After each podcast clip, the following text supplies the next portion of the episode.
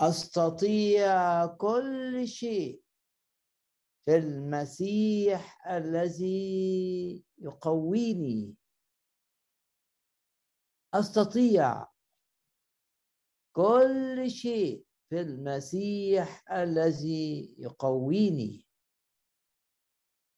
أستطيع أن أحيا كما يريدني الرب. أستطيع أن أقاوم الخطية. أستطيع أن أهزم إبليس. أستطيع أن أكون ناجحا ومثمرا أستطيع كل شيء في مشيئة الرب بس مش بقوتي مش بذكائي.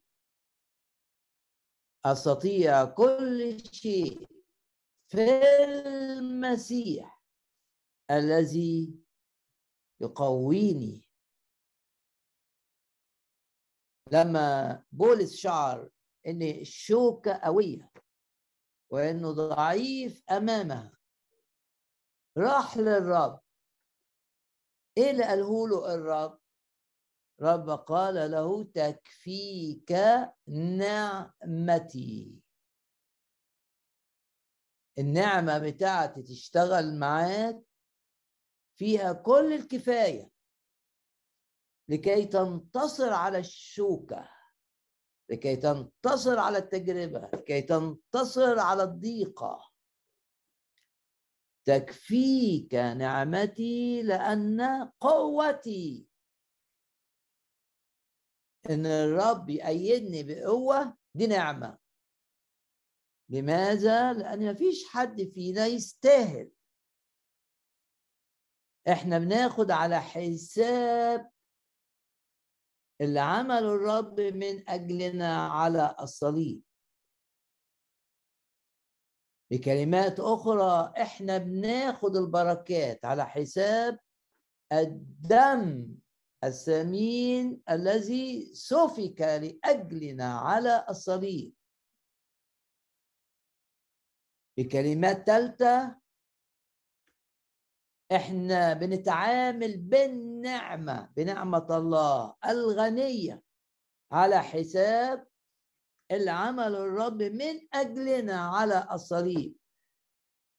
وعلى حساب دمه المسفوك من أجلنا. على حساب الدم على حساب موت الرب من أجلنا. الرب بيتعامل معنا بالنعمة بالعطاء المجاني. ومن النعمة القوة. القوة عشان تقول أستطيع كل شيء. كل شيء. يريد يريد منك الرب تستطيع أن تقوم به. بالنعمة بالقوة اللي هو بيديها لك. وزي ما الرب قال لبولس تكفيك نعمتي قوتي هتبان وانت في حالة الضعف بتاعتك. تكفيك نعمتي لأن قوتي في الضعف. تكمل يعني تظهر كاملة. قول كده. أنا أقوى من الخطية. يعظم انتصاري على الشر. يعظم انتصاري على إبليس. في كل الظروف يعظم انتصاري. أستطيع أن أسير من قوة إلى قوة. وأتغير من مجد إلى مجد. بسبب أن الرب قال لي تكفيك نعمتي. قوتي في الضعف تكمل. وكلنا عارفين الآيات الشهيرة اللي في سفر زكريا. ذكر نفسك. قول لنفسك كده أوعي تنسي هذه الكلمات. اللي في سفر زكريا. لا بالقدرة لا بالقوة لا بالقدرة. بل بروحي قال رب الجنود عمل الروح القدس فيا ده نعمة دي عطية مجانية. باخدها على حساب العمل الرب على الصليب. وأنا آمنت بالعمل الرب من أجلي على الصليب. أنا آمنت بالدم المسفوك من أجلي. لي أن أتمتع بعمل الروح القدس. لا بالقدرة ولا بالقوة بل بروحي قال رب الجنود من أنت أيها الجبل العظيم؟ أمام زروبابل ده بنقراه في سفر زكريا. أنت جبل تحدي عائق ضخم جدا.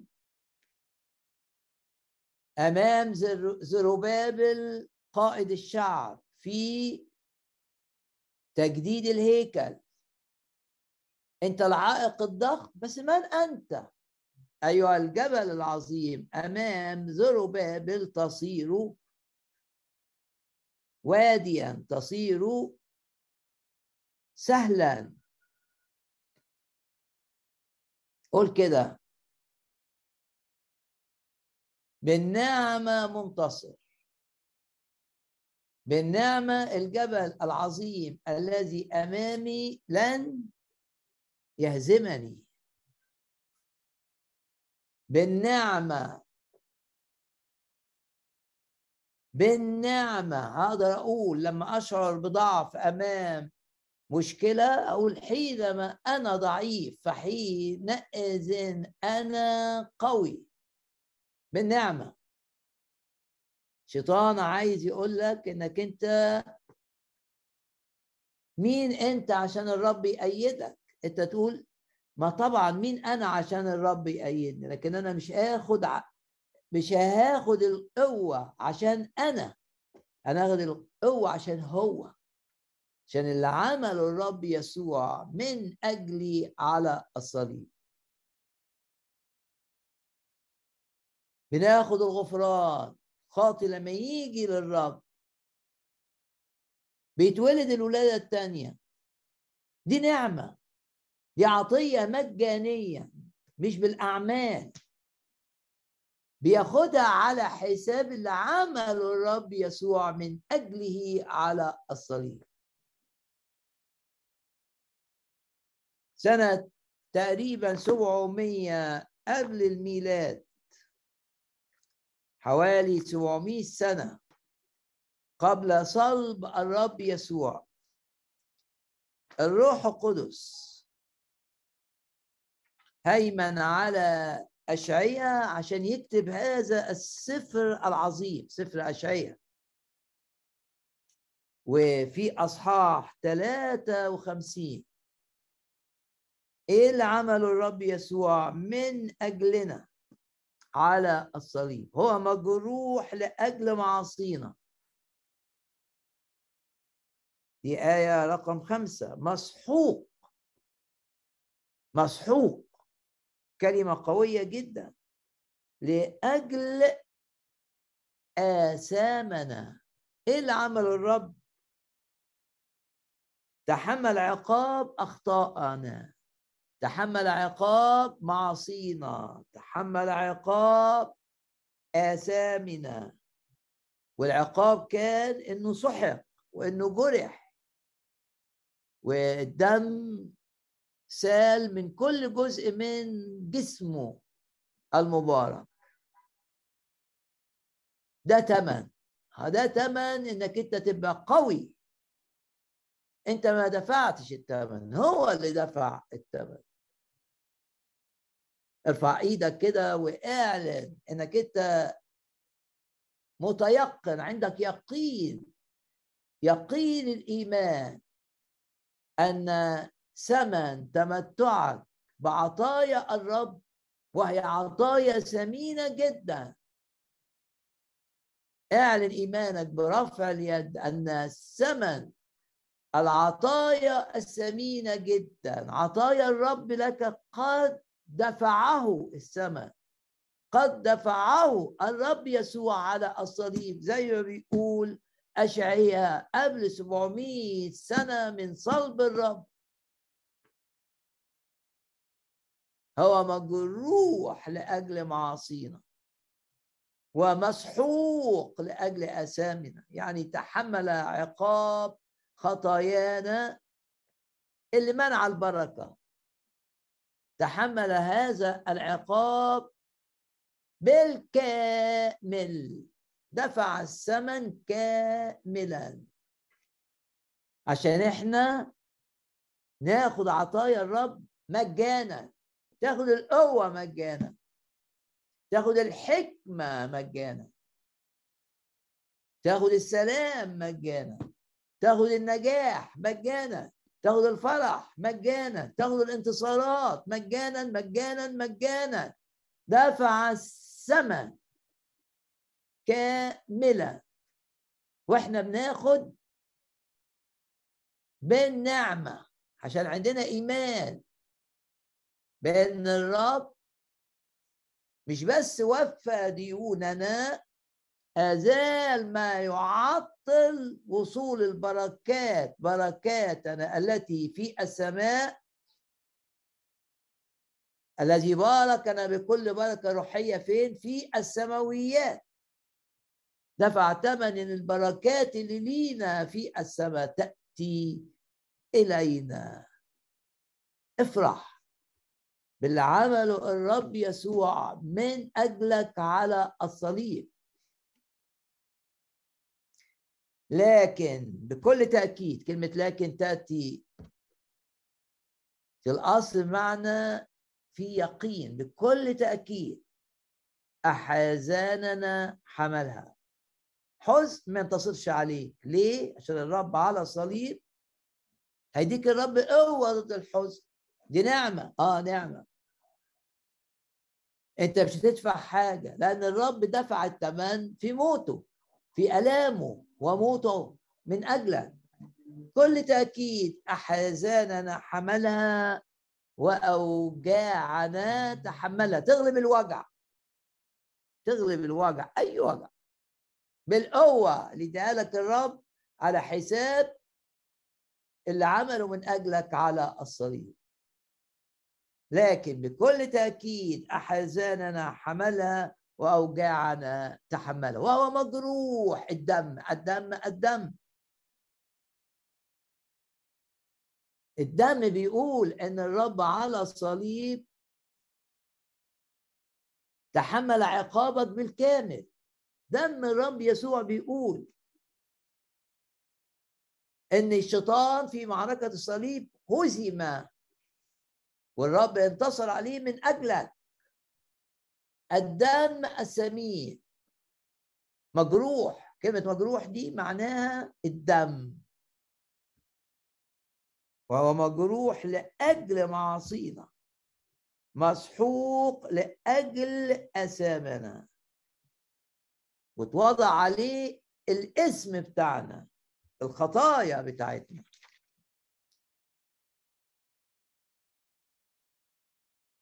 وآية رقم 11 يقول آثامهم اللي هو الآثام بتاعتنا هو يحملها.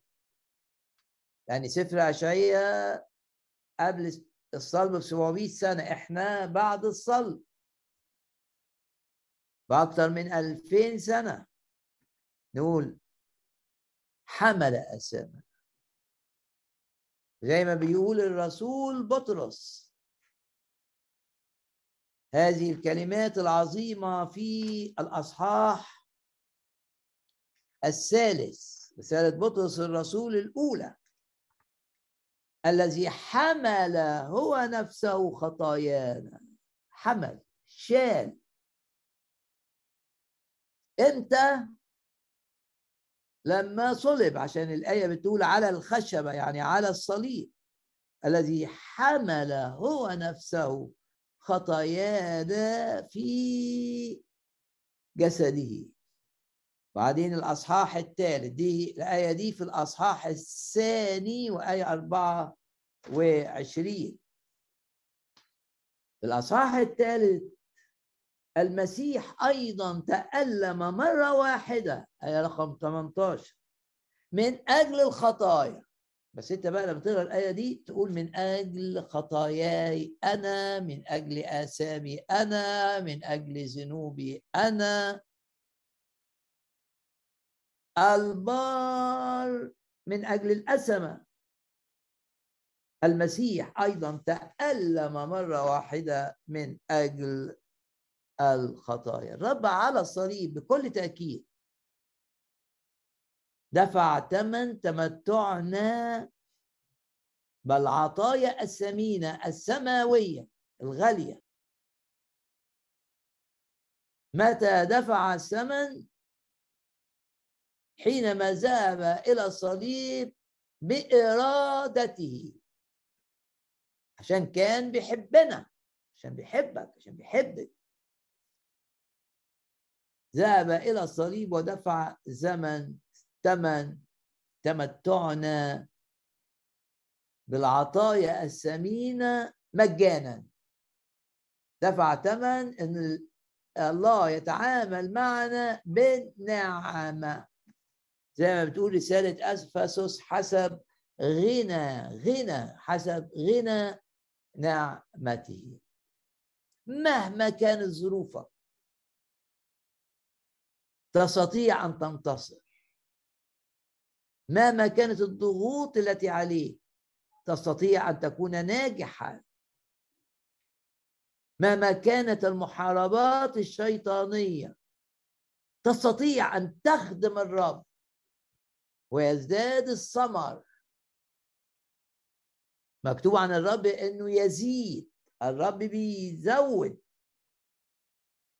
لما رحيل سمت ابنها اللي جابته بالصلاة يوسف قالت لي إيه؟ لن أكتفي بهذه العطية. الرب يزيد الرب بيزود يزيد الرب بيزود. مجانا بالنعمة. وغمض عينك كده وقول أشكرك أيها الرب. مهما كانت ظروفي مهما كانت التحديات التي أمامي تعطيني أن أحيا كما تريدني. أنت تريدني أن أحيا حياه تجيب المجد لي. ما تساعدش الشيطان. قول للرب كده. أنت تعطيني بالنعمة كل ما أحتاجه عشان حياتي ما تساعدش إبليس ابدا. عشان حياتي تمجدك. علشان أبقى ليا دور في امتداد ملكوتك في ربح النفوس. غمض عينك كده وقول أشكرك من أجل النعمة الغنية. الرب بيعالج نتائج اخطائنا بالنعمة. أنت تحاول تصلح الأمور قد تزيدها تعقيدا. اتكل على الرب بقلبك. وهو قادر أن يفعل أكثر جدا جدا مما نطلب أو نفتكر. ضع ثقتك فيه. ما تخافش. هو قال لا تخف لأني معك. لا تنظر إلى إمكانياتك ولا تعتمد عليها. انظر إلى إمكانيات الرب واعتمد على محبته ليك اتكل على حبه ليك زي ما بتقول الرسالة يهوذا احفظوا أنفسكم في محبة الله. اتكل على محبة الرب. ممكن تبقى في نظر الناس انت أسوأ واحد. ممكن تبقى في نظر الناس انك تتصرف بعدم حكمة بجهل. ممكن ناس تشاور على عيوبك ناس تانية تشاور على أخطائك ونتائجها. انت بص للرب واتكل عليه بقلبك وثق فيه انه سيصحح نتائج أخطائك علشان وعوده تتحقق معاك. إنه يجدد كالنسر شبابك يعني يعيشك زي النسر قوي. اللي لا يضعف مع تقدمه في العمر. اللي بيعلى مكانه دائما فوق. أغلب الوقت ترى النسر مش بيمشي على الأرض أو واقف على الأرض يحلق في السماء.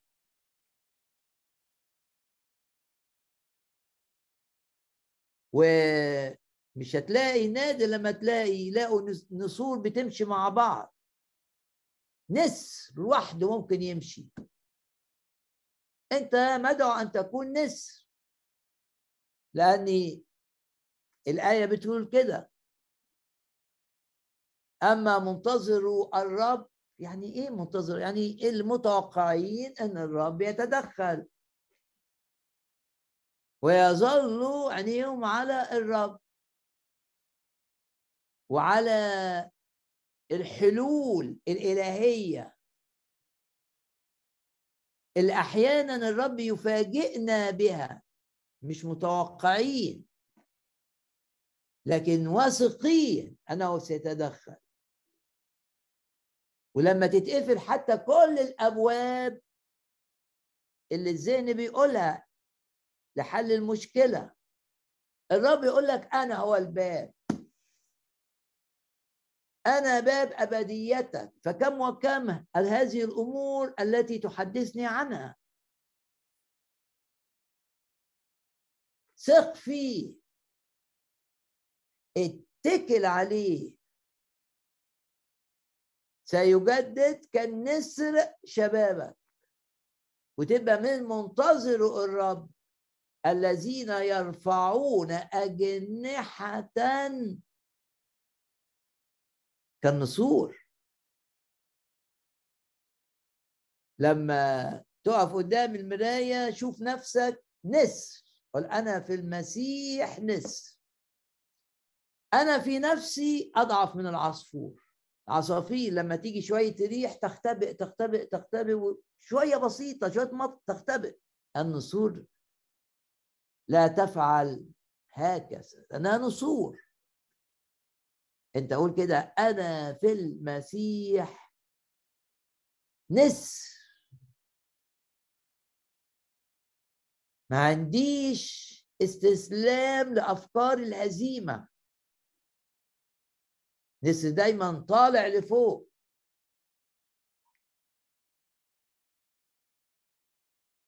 ولا يقف امامه لا ضوء ولا قوة شمس ولا أي شيء. أنا في المسيح بالمسيح.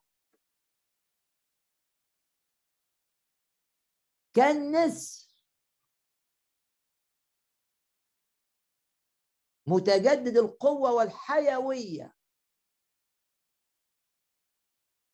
منتصر. وغمض عينك كده وتشوف التحديات اللي قدامك. في تحديات في جبال عظيمة. شاور على الجبال العظيمة دي وانت مغمض عينك وقول باسم الرب يسوع. لا بالقدرة ولا بالقوة بالروح القدس أنا نسر أغلب هذه الإعاقات أرتفع فوقها بقوة الروح القدس.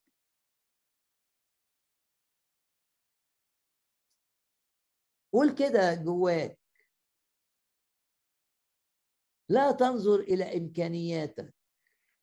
لا تعتمد على قدراتك. قدراتك هتغزلك إمكانياتك هتيجي وقت تشعر إنها عاجزة. لا أعتمد على إمكانيات الرب وقدرات الرب الغير عادية. أعطانا كل شيء بغنى بغنى بغنى بغنى. للتمتع. رب يأيدك بالروح القدس تشعر بقوة تنتصر على الخطية. تنتصر على الظروف.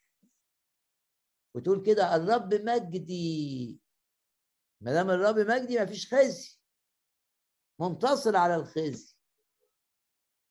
الرب مجدي ورافع رأسي يعني يرفع معنوياتي أيا كان ما يحدث. ولو أنت معنوياتك منخفضة لأي سبب. وأنت بتسمعني مش صدفة أنك تسمع أن الرب بيرفع المعنويات. وإن الرب بيعمل كده عشان أنت تقول الرب مجدي لا للخزي. ما دام الرب مجدي لا للفشل ما دام الرب مجدي. مجدي هو الرب ورافع رأسي. يعني راسي مرفوعة ومعنوياتي لم تعد منحنية باسم الرب يسوع. وأفكرك بالحوار اللي دار بين موسى والرب. نفتكر مع بعض. لما الرب دعا موسى موسى قدم اعتذارات كثيرة. لأنه كان خايف. رب دعاه وقال له هتروح تقابل فرعون. ده هيموتني. أول ما يشوفني هيموتني. لما روح له بصفة قائد للشعب. هينادي السياف اللي عنده اللي حامل السيف اقطع رقبة موسى. مش عايز موضوع كبير قوي قوي قوي كان في عينين موسى لما الرب دعاه الدعوة دي خطرة جدا جدا جدا جدا. هتحطه في مواقف هو ما يقدرش عليها. وابتدى موسى يقدم اعتذار للرب. لا شوف حد تاني غيري. اعتذار ولا اعتذار ولا اعتذار. والرب عنده طول أناه خد موسى كل ما يقول له سبب يقول له الإجابة. يروح موسى قايل له سبب جديد. ليه؟ عشان هو خايف. ولو أنت السبب الحقيقي لأمر من الأمور هو إنك جواك في خوف خايف من كلام الناس خايف من زعل حد فعشان كده مش عارف تعمل الصح. خايف من إنك ما تنجحش فالناس تتريق عليك. خايف إن ما يحصلش شفاء ليك زي ما أنت بتقول. خايف إن اختيارك يطلع اختيار غلط. وتسمع بعد كده كلمات مش إحنا قلنا لك ما تختارش ده أو ما تختارش الشغل ده أو ما تختارش واحد بيفكر في الجواز. الشخص ده خايف. الرب مش عايزك خايف. الرب عايزك واثق. واثق في إيه؟ واثق فيه هو مش فيك. اوعى تقول لي أنا مش قادر أثق في نفسي. أقول لك دي حاجة كويسة. بس ما تثقش في نفسك بس منتهى الخطورة. ده يبقى صغر نفس. لكن ما تثقش في نفسك وت تثق في الرب.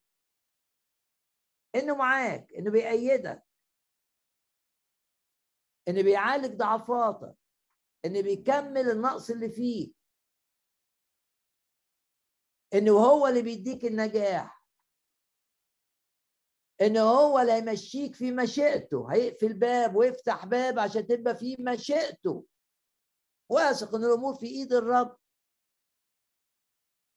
وإن الشيطان مش هيعرف يمشيه في سكة هو عايزها لأنك أنت وضعت ثقتك في الراعي الأمين.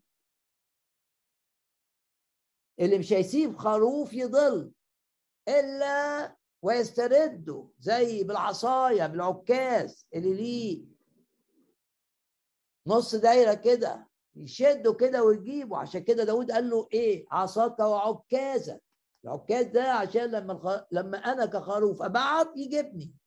ويقفل الباب ويفتح باب عشان ما أمشيش في طريق مؤذي خادع في خداع من إبليس. ضع ثقتك في الرب مش في نفسك. قول زي ما أنت عايز أنا مش واثق في نفسي لكن قول بس ثقتي في إلهي. زي ما بولس قال بنفكر بعض بالآيات. عالم بمن امنت الدنيا دي كلها ممكن تبقى ضدي بس كفاية إن أنا أبقى معاه. خلاص مفيش مشكلة. لأن إحساسي بالأمان مش مصدره الناس ولا مصدره الظروف ولا مصدره الشغل ولا بدخل كام. إحساسي بالأمان مصدره معرفتي من خلال الكتاب المقدس. عرفت إن الرب في الكتاب بيشيء أنا إيه؟ أحمل. أنا إيه؟ أحمل. أنا أحمل. على الأيدي تحملون. وعلى الركبتين كمان تدللون. يعني شيل وحب.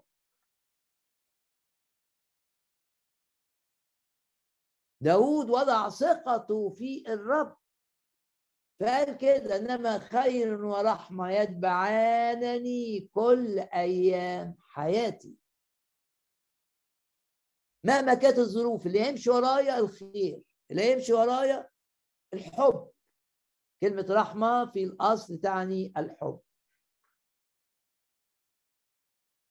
مش مهم تبقى واثق في نفسك. بل الأفضل أنك ما تبقاش واثق في نفسك إذا كنت واثق في الرب. إنه لن يتركك لن يهملك لن ينساك. هيسدد احتياجاتك كل احتياجاتك بحسب غناه في المجد. واثق فيه إنه يحفظك من كل شر. واثق فيه ان هيخلي كل آلة اتعملت لإيذائك تفشل. واثق فيه إنه هيزود عظمتك زي ما داود قال في المزمور تزيد عظمتي. العظمة الحقيقية بقى عظمة الإيمان وعظمة الحب وعظمة التضحية وعظمة التأثير في الآخرين لمجد الرب. تزيد عظمتي. ولا تخشى من خوف باغت ومزمور واحد وتسعين. ماذا يفعل الرب معنا؟ بالنعمة الغنية. شجع.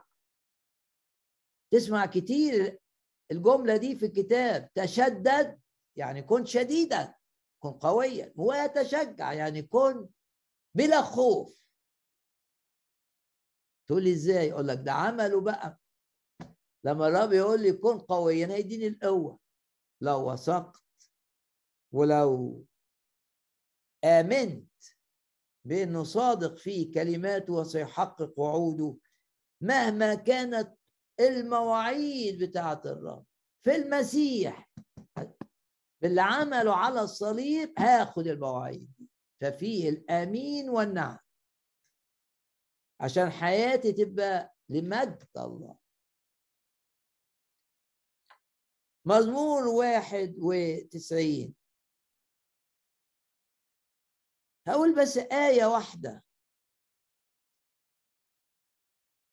اعلن إيمانك كده. إن الآية دي تتحقق معاك من طول الأيام. آخر آية في المزمور. أشبعه. يعني زي ما قال الكتاب على فلان مات شبعان أيام. مش جعان. من طول الأيام. أشبعه وأريه. خلاصي خلاصي بقى. يا الرب يوريك خلاصه يتحقق معاك. خلاص من خطر خلاص من مرض. ودايما في كل اجتماع بنعلن الإيمان بالخلاص من المرض. الأمراض كترت. ليه ما صدقش إن الرب يعطي خلاصا من المرض؟ واللي شفى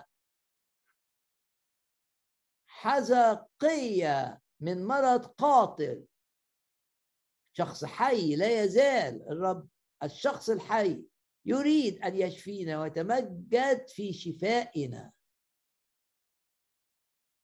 ينجيك من فخ الصياد ويخلصك من المرض.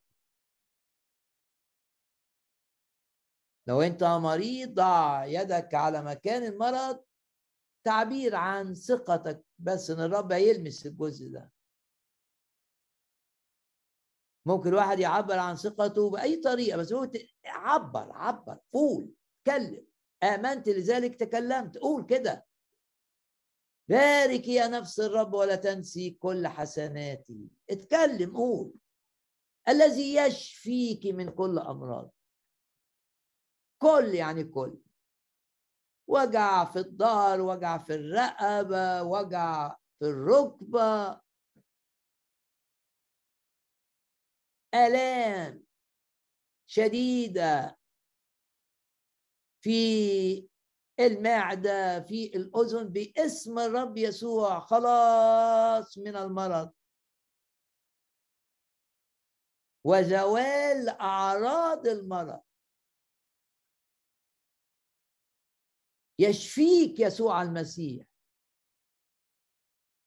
دي آية في الكتاب. يشفيك. مين اللي يشفيك؟ الخادم الفلاني؟ لا لا. اللي يشفيك من تألم من أجلك من تحمل أوجاعك من حمل أحزانك. شمس البر والشفاء في أجنحتها. شفيك يسوع المسيح؟ ولا حواجز بينك وبين الرب يسوع. فيش حواجز. تعال إلى الرب بإيمان كده بإيمان بسيط. إن الرب قادر أن يشفيك وبيحبك فيريد أن يشفيك. عشان بيحبك. والمحبة بتاعت الرب ليك تخلصك من الخوف إنه مش هيشفيك. المحبة الكاملة وهي محبة الرب. تطرح الخوف إلى الخارج. غمض عينينا كده ونقول يا رب نشكرك من أجل شفاء المرضى الموجودين معنا في هذا الاجتماع مجتمعين باسم الرب يسوع. نرى عمل الرب القوي عمل الرب الواضح. شفاء شفاء باسم الرب يسوع. لو في أرواح مرض ننتهر أرواح المرض باسم الرب يسوع وانطهر الحمى.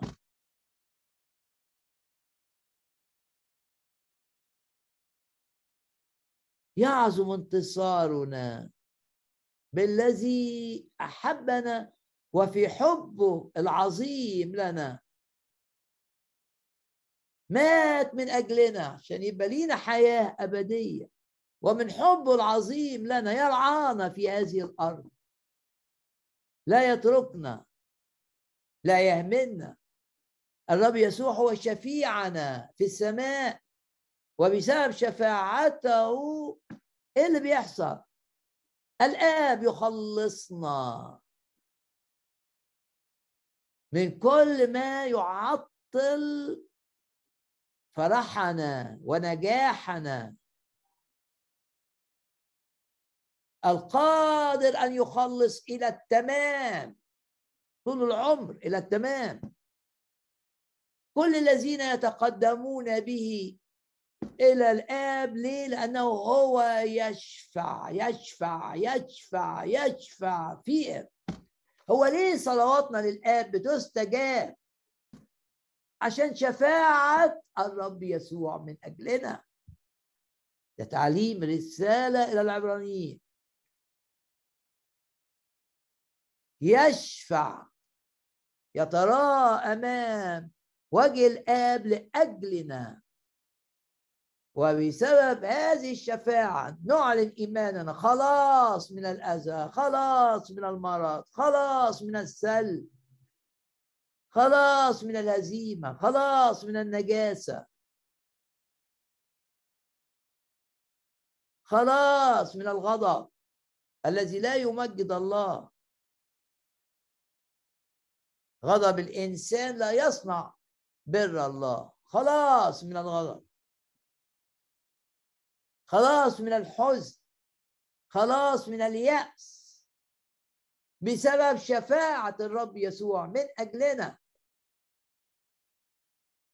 لازم تبقى عارف إن الرب لا يشفع للجميع. إزاي؟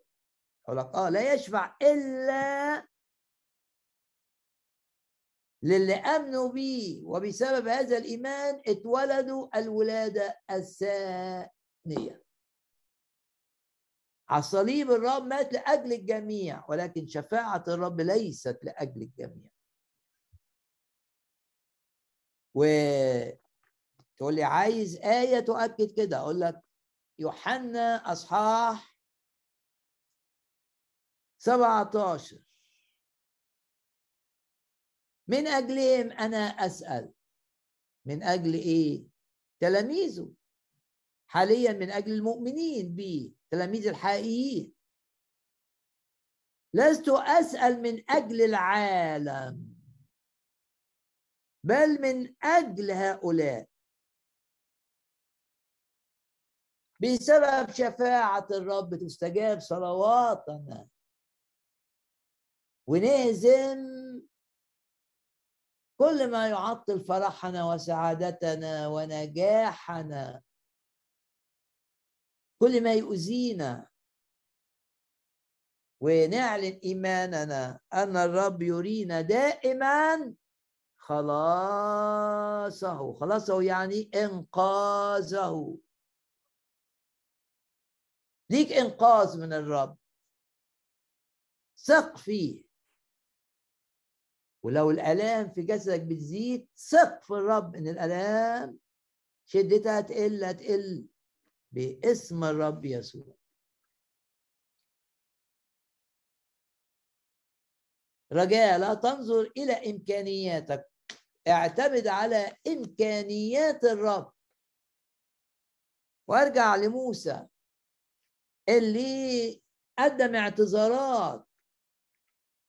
مش عايز أروح مش عايز أبقى قائد مش عايز أخدم. أروح أواجه فرعون أقول له طلع الشعب يموتني إنما القلب أخدع من كل شيء. يعني أكتر حاجة تخدع مش الشيطان أكتر حاجة تخدع الطبيعة القديمة اللي في الإنسان.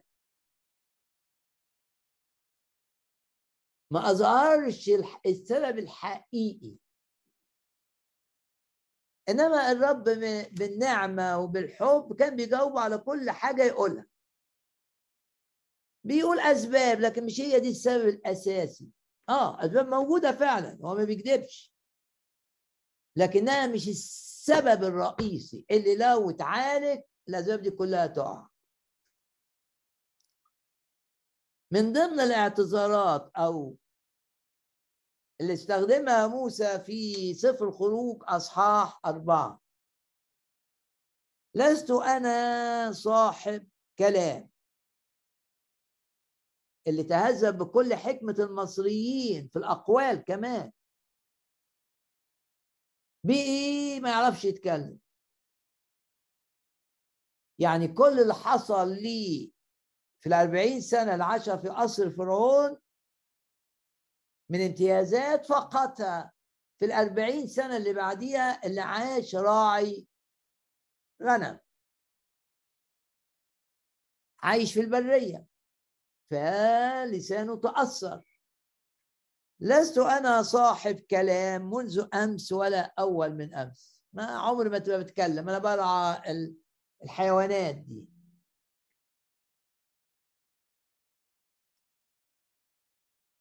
بل أنا ثقيل الفم واللسان.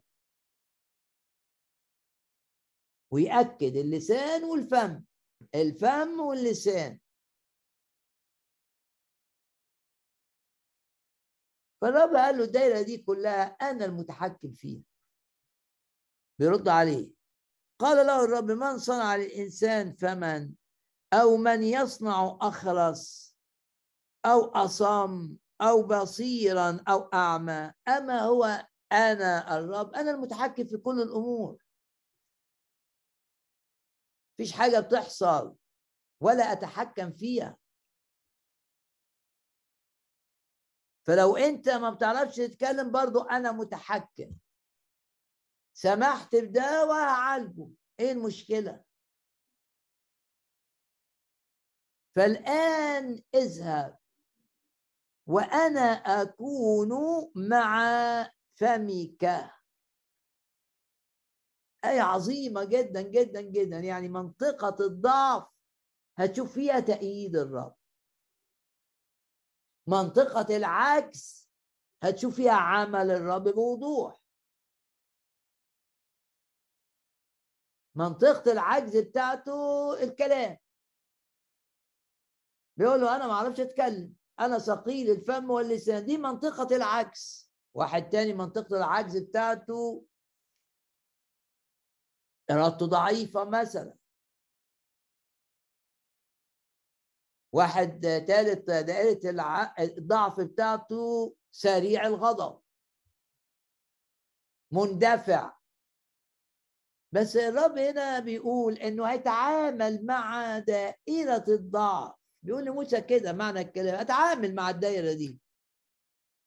أنا عارفها. ده معنى إن أنا اللي صنعت الأخرس واللي واللي ما بيسمعش واللي ما بيشوفش زي ما عملت الباقيين. يعني أنا عارف عارف عارف.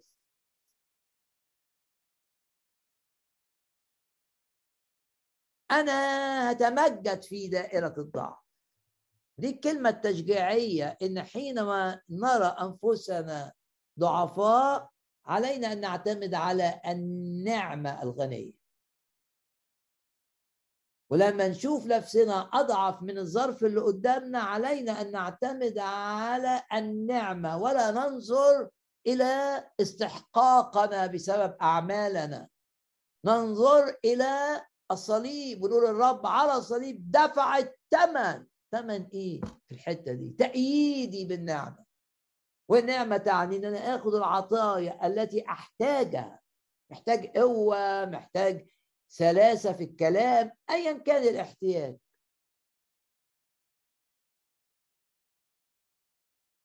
لما تبقى شايف نفسك عندك دايرة فيها عكس اسمع كلمة الرب هنا. أنا أكون مع الحتة بتاعتك اللي فيها الضعف. واحد بيسمعني يقول لي أنا ابتديت أنسى. قول للرب كده أنا بديت أنسى. قول للرب أنا ذاكرتي ضعيفة. كانش كده قبل كده. وحط قدامك الآية إنه يجدد كالنسر شبابك. الأوضة اللي حيطانها متشرخة الرب هيجددها والحيطانه هترجع أحسن مما كانت قبل أن تأتي فيها الشروخ. قول للرب طاقتي قلت في واحد يعتقد إن كل ما الأيام تقدمت بيه عطاؤه يقل وطاقته تقل. ليه؟ الأمثلة في الكتاب المقدس عكس كده.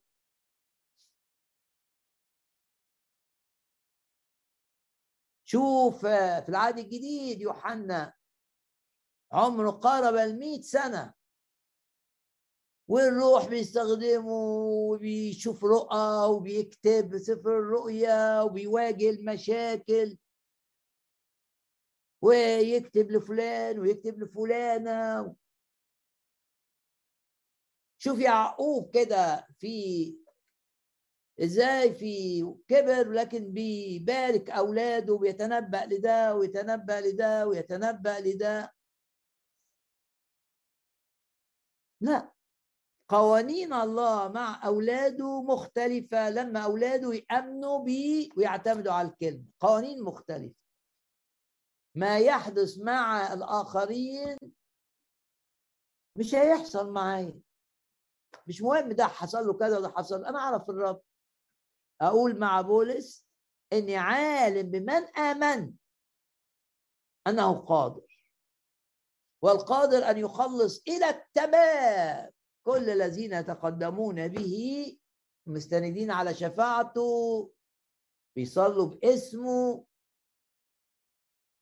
كل الذين يتقدمون به إلى الله لأنه هو حي يشفع فيهم. دائرة الضعف نرى فيها العمل الإلهي الواضح. إذا وأنا أكون مع فما. ممكن موسى يفتكر إن الآية دي معناها إنه مثلا يتكلم بقى زي هارون أخوه. لأن هارون ما سابش أرض مصر. فأكيد لسانه متعود على اللغة وهو عايش وسط المصريين. لا كلام الرب مش معنى كده معناه إن موسى هيبقى زي أي حد إن بس هيعالج الحتة دي. أكثر جدا قل نعم أكثر جدا. مما نطلب أو نفتكر. أكثر جدا مما نطلب أو نفتكر. دي أمانة الرب. ممكن تصلي كده وتقول يا رب أنت قلت. أنت قلت. زي ما يعقوب لما كان خايف من عيسو قال له أنت قلت. انك تحميني. حق كلمتك. أنت قلت. تقول للرب كده أنت قلت. إنك تفعل أكثر جدا مما نطلب أو نفتكر قلت في رسالة بإيد شخص كتب بالروح القدس بولس. أنت قلت. لا موسى مش هيرجع يبقى زي هارون. هو لما راح البرية بأقل في الكلام من أخوه هارون.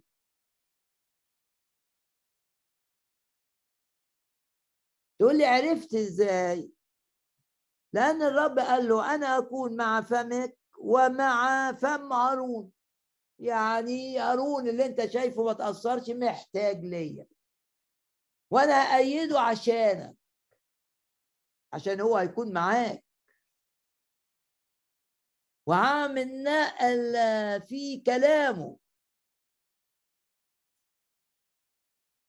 عشان هيبقى معاه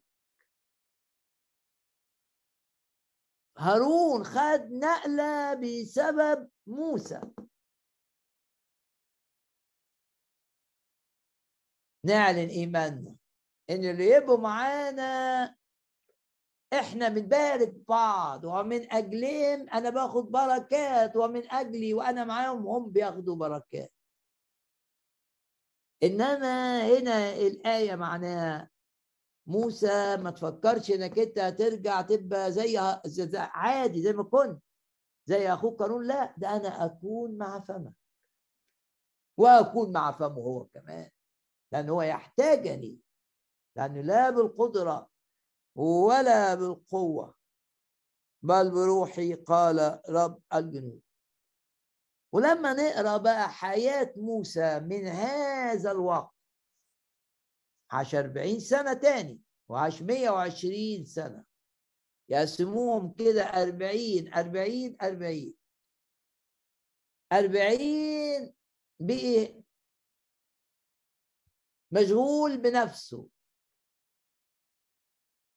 خد امتيازات لنفسه ابن ابنة فرعون اتعلم اتهذب غني. كان هو كل حاجة يعني. وبعدين لما اطرد وهرب من مصر راح البرية. أربعين سنة بقي ولا حاجة. فقط الامتيازات بتاعته منها امتياز التعليم الكلام. كان مقتدرا في الأقوال. سفانوس قال عن الفترة اللي عاشها في مصر موسى قبل ما يروح البرية إنه كان في الكلام ما حصلش. فقد وبعدين أربعين سنة الأخيرة بقى شاف إمكانيات الله في حياته. بقي الرب مش نفسه. أو بقي زي ما بولس قال لا أنا يعني في الأربعين سنة الأولى بقي أنا في الأربعين سنة الثانية بقي لا أنا في الأربعين سنة الثالثة بقي المسيح. لا أنا بل المسيح. شاف بقى عمل الرب فيه الرب طمنه وقال له هارون هيبقى معاك لكن اقرأ حياة موسى تلاقي مين أكتر شخص اتكلم. موسى ولا موسى.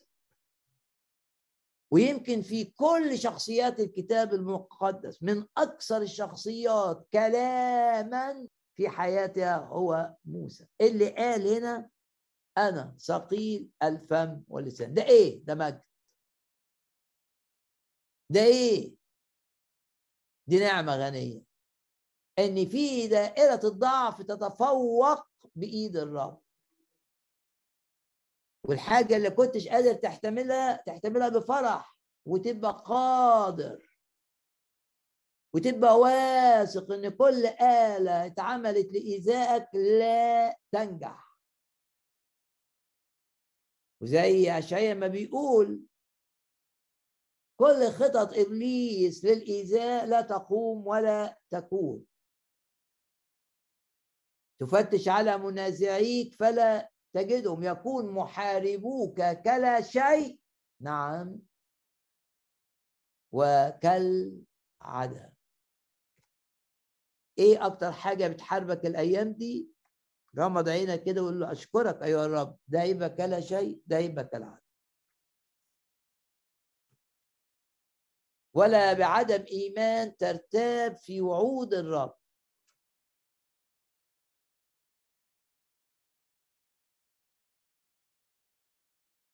وأختم الجزء التشجيعي ببعض الآيات من مزمور واحد وثلاثين جميل آيات جميلة.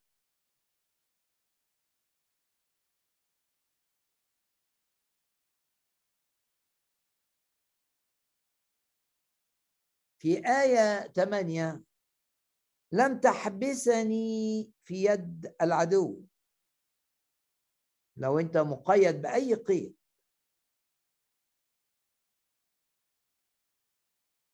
العدو حبسك. قيد الخوف قيد النجاسة قيد الزنا. قيد اليأس. لم تحبسني في يد العدو. بل أقمت في الرحب في الاتساع رجلي. أشكرك يا رب لأنك بتطلعنا. حلت قيود الجميع. لما بولس وسيلة سبحوا الرب حلت القيود. فتحت الأبواب اللي الشيطان.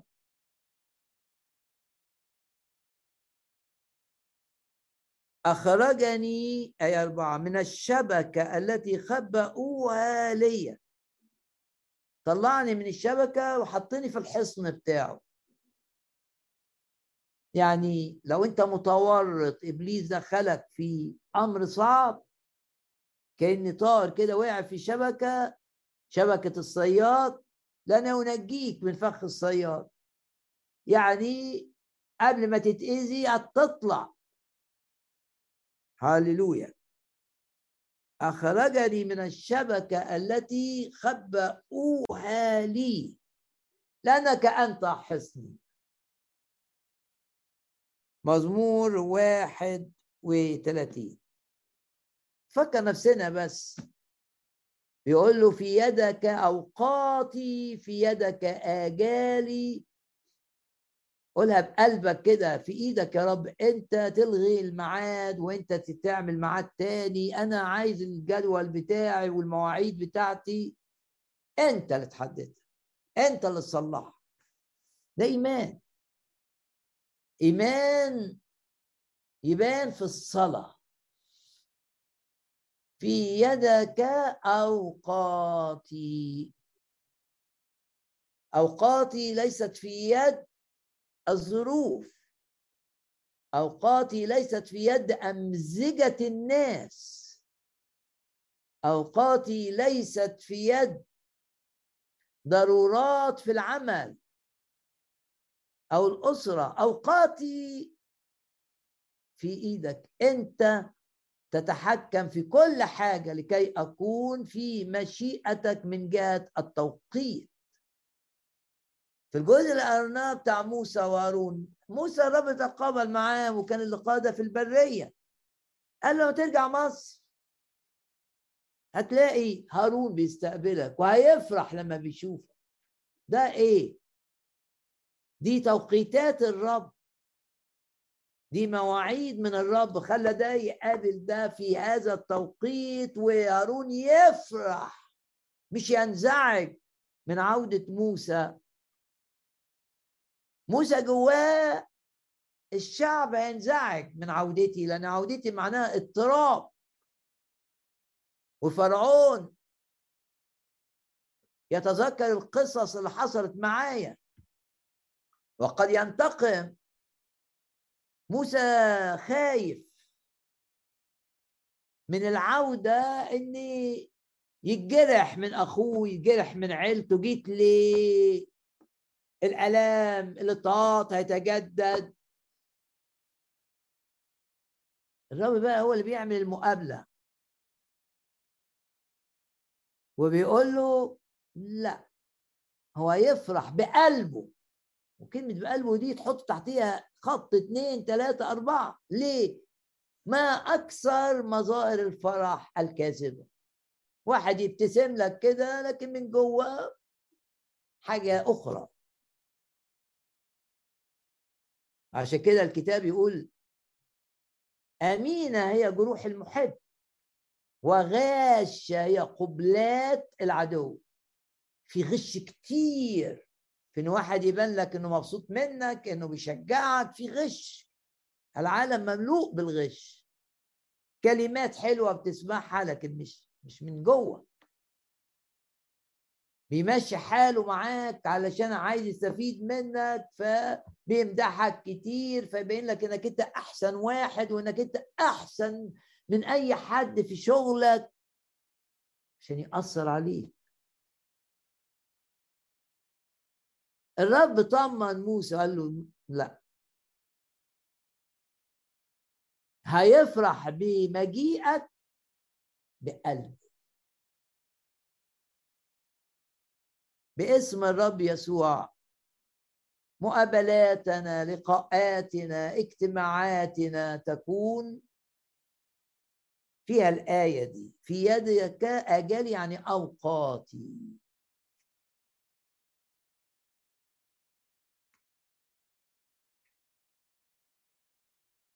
وآخر آية اراها في المزمور آية 18 واعلن إيمانك معايا.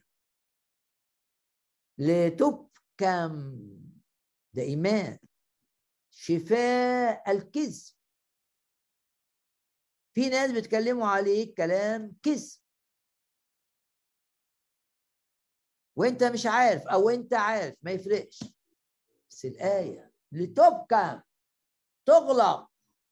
شفاء الكذب آية 18 المتكلمة على الصديق اللي هو واحد من أولاد الرب. بوقاحة بكبرياء واستهانة. يعني أيا كان مظهر الكلام استهانة بيك كبرياء بقى بيتكلموا عنك واثقين إن كلامهم صح وهو غلط. لتبكم هذه الشفاء. نحط دي مع أنا أكون مع فمك. يبقى عندنا رسالة عن الكلام. أنا أكون مع فمك. أما أفواه الأعداء كلموا في المحكمة ضد مصلحتك. بيأثروا على صاحب العمل ضدك. أنت الرب يكون مع كلامك. طب وكلام الأعداء دول؟ لتبكم تغلق. شفاه. الكذب المتقل المتكلمة ضد. المؤمن بوقاحة أو بكبرياء واستهانة. مزمور 31 آية 18 في ناس بيملوا ناس ضدك. بيحكوا لهم حكايات باسم الرب يسوع. ما يبقاش في حياتنا ولا في علاقاتنا النميمة. احذر النميمة. تقول لي إيه هي النميمة؟ إنك تتكلم عن حد تحكي عن حد قصة تظهره في موقف سيء. أدي النميمة. احذر خطايا اللسان. اطلب إن الرب ينقي. قول يا رب حط حارسا لفمي زي ما كان داود بيقول. باب يا رب يتقفل ما يطلعش الكلام اللي من الطبيعة القديمة اللي فيه نميمة.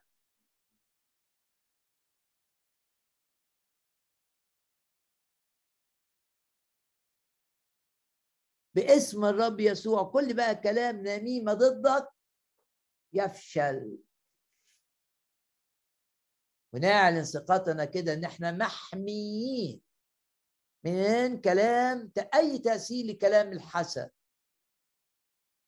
وأي تأثير من كلام الصحراء. وأي تأثير من كلام وأعمال السحر. ونقول كده إحنا محميين بالدم الثمين لا عيافة ولا عرافة تقدر أن تأذينا. إحنا أعظم المنتصرين على الحسد على السحر على الشر على المرض على الخوف. ثق في الرب. تكون في الارتفاع فقط. وتدوس كل يوم على الحيات والعقارب بتاعت إبليس وتقتلها. وتقول كده عظم الرب العمل معنا. وصرنا فرحين حينما رد الرب سبي صيون يعني كنا في حالة وبقينا في حالة تانية مختلفة. آه الرب يعمل معانا كده. حينئذ قالوا الناس قالت وشهدت أن الرب قد عظم العمل مع هؤلاء وكمالة المزمور عظم الرب العمل معنا. وصرنا فرحين.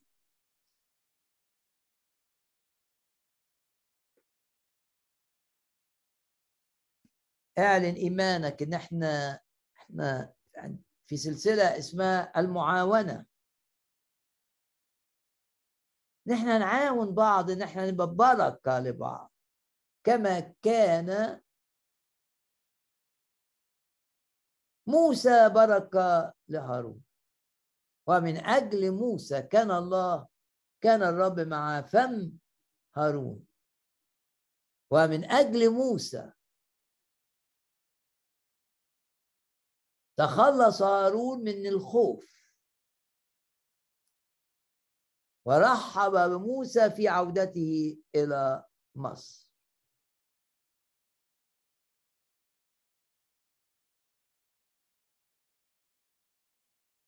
وأنهي للآية العظيمة في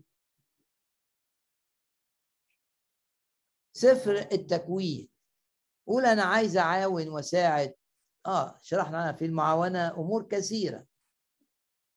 صديق الوقت في المرة دي لأن توسعنا في الكلمة التشجيعية الروح قدنا. قول كده باسم الرب يسوع.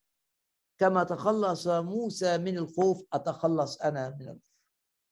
كما رأى موسى في دائرة ضعفه عمل الرب فصارت دائرة الضعف هي دائرة المجد. كما حدث مع موسى يحدث معه كل دوائر فيها ضعف أرى فيها عمل الرب. واشوف المجد. في دايرة ضعف عندك. آه ممكن. في علاقاتك في حياتك العائلية في صحتك في دراستك في شغلك. أمور عاطفية ضعيف فيها. مش قادر تواجه حدد للرب. قول له أنا عندي دائرة الضعف دي. زي ما قال له موسى أنا ثقيل الفم واللسان. ما بعرفش أتكلم بتكلم بصعوبة. حدد للرب دوائر. الدوائر اللي تعباك وقول كده إله موسى هو إلهي. سيتمجد في هذه الدوائر. ممكن تبقى دايرة العمل بتاعتك هي اللي فيها هي اللي اللي حاسس بالعكس فيها زي موسى. دايرة الكلام. والرب بيقول له طب دي أهم حاجة. بس وانت مغمض عينك كده حدد للرب قول له كما فعلت مع موسى افعل معي. دائرة دي لازم أشوف فيها إيدك. ويتحول إلى دائرة فيها مجد لي وخير عظيم ليا. هني بهذه الآية من سفر التكوين أصحاح 12 وأباركك. وأعظم اسمك. ده تعظيم من الرب. وتكون بركة. أباركك وتكون بركة. إبراهيم كان بركة. كل تأكيد. وحتى في في القصص بتاعته تلاقيه بركة لده وبركة لده. بركة لوط. أنقذ لوط مرتين. مرة بصلاته ومرة بحربه بالحرب. الرب يشتغل فيك وتبقى بركة ومساعد لمن يكونون في دائرتك كان إبراهيم بركة للوط فكان مساعدا عظيما له. معاونون بنعاون بسبب معاملات الله معنا. هارون اتبارك عشان موسى. نباركك أيها الرب ونعظمك لن يستخدمنا إبليس في إيذاء أحد ولكن ستستخدمنا أنت دائما. بركة لمن يتعامل معنا. أباركك وتكون بركة. وغمض عينك كده وقول يا رب باركني الآن. وفي دائرة الضعف باركني. جسدك ضعيف قول له باركني بقوة في جسدي. عندك مرض باركني في شفاء من مرضي. عندك أولاد خايف عليهم وضعف في العالم باركني في أولادي. أباركك. الوعد وتكون وتكون بركة. ليتك تباركني. نعم. ليتك دي مش معناها يعني يا ريت ممكن آه ممكن لا. انت تعلم أن الرب فاتح ايديه عشان يباركك؟ استقبل البركة. الرب هو طالع كده في صعوده مد إيديه كده يبارك. كل مرة نتواجد فيها في محضر الرب نتوقع أن يباركنا بركة شفاء للمريض بركة سلام داخلي للمضطرب بركة فرح للحزين. بركة تسديد للاحتياجات لشخص في مشاكل مادية. بركة حكمة لشخص رايح مقابلة مهمة. يباركك الرب ويحرسك. هللويا. بركات الرب لم تفقد لأن الرب يحرس البركات. ويحرس من ينال البركات؟ يباركك الرب ويحرسك. بارك يا نفس الرب ولا تنسي كل حسناته معلنين قوة دم الرب يسوع. معلنين أن إبليس عاجز عاجز عاجز أمامنا. كل اللي بيعمله إبليس ضدنا يتحول يتحول يتحول لخيرنا ولمجدنا ولارتفاعنا. ويقول لتعظيم الرب يسوع. نرنم بقى الترانيم بفرح كده.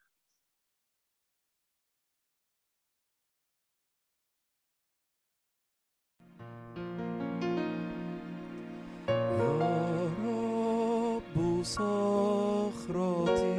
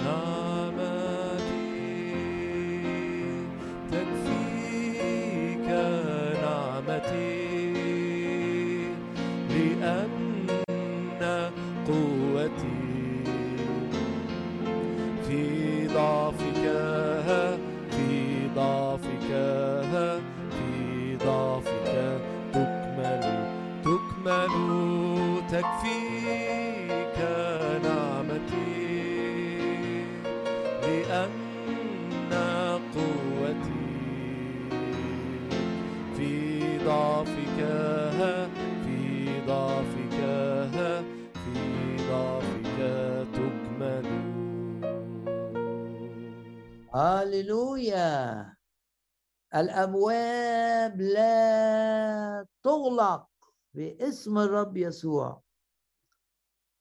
الأبواب التي فتحها الرب لا لن لا ولن تغلق ابدا باسم الرب يسوع.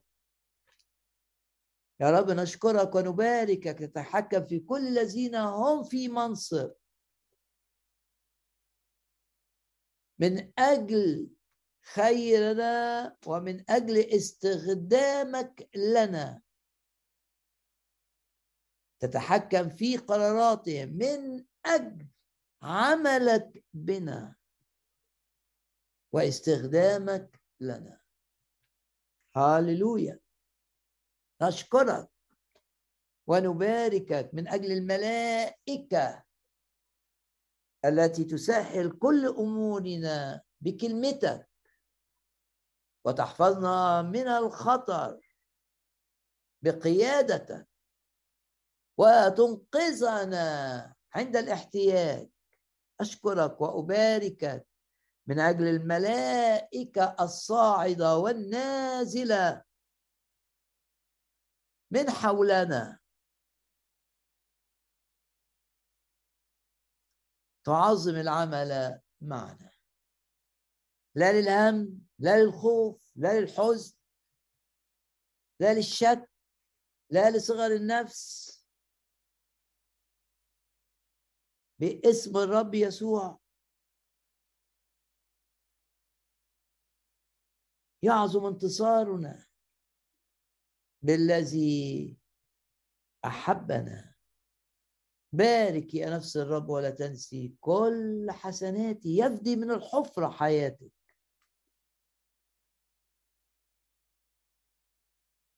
يشبع في الجدوب نفسك. مكتوب تلذذ بالرب تنال سؤل قلبك. وهؤلاء بالخيل وهؤلاء بالمركبات أما نحن فاسم إلهنا نذكر هم عصروا وسقطوا. نحن قمنا وانتصرنا. نصعد ونمتلكها لأننا قادرون قادرون بالرب عليها. سدد يا رب كل احتياجاتنا بحسب غناك في المجد. حول أي لعنة جاية علينا. إلى بركة.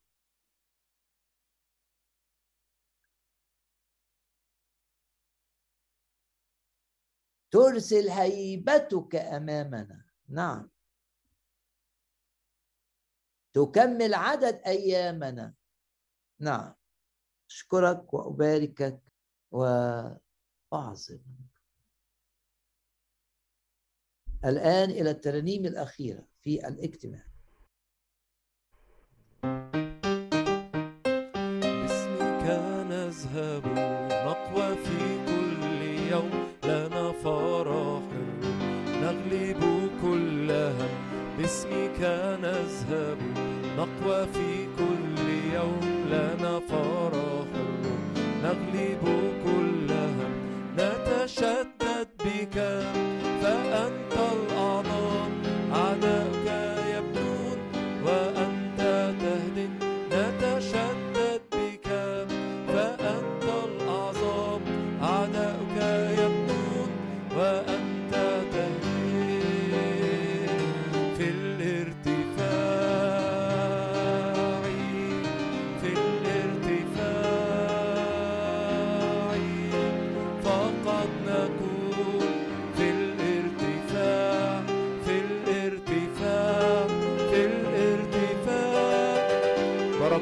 وافرة بركات وافرة على رؤوسنا بالمجد والغنى. تملأ حياتنا بركات وافرة على رؤوسنا بالمجد والغنى. تملأ حياتنا لا للعنات لنا البركات تفتح كنز السماء تأتي بالتعويضات.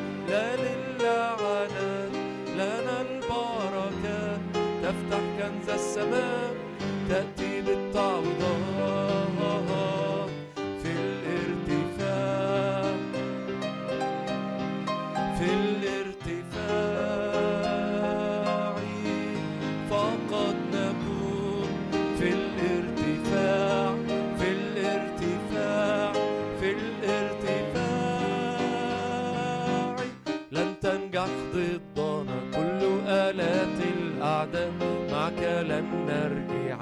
يوما إلى الوراء لن تنجح ضدنا. كل آلات الأعداء معك لن نرجع.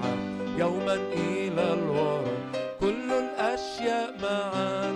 تعمل لخيرنا رأسا لدى نبات صارت حياتنا كل الأشياء معا. تعمل لخيرنا رأسا لدى نبات صارت حياتنا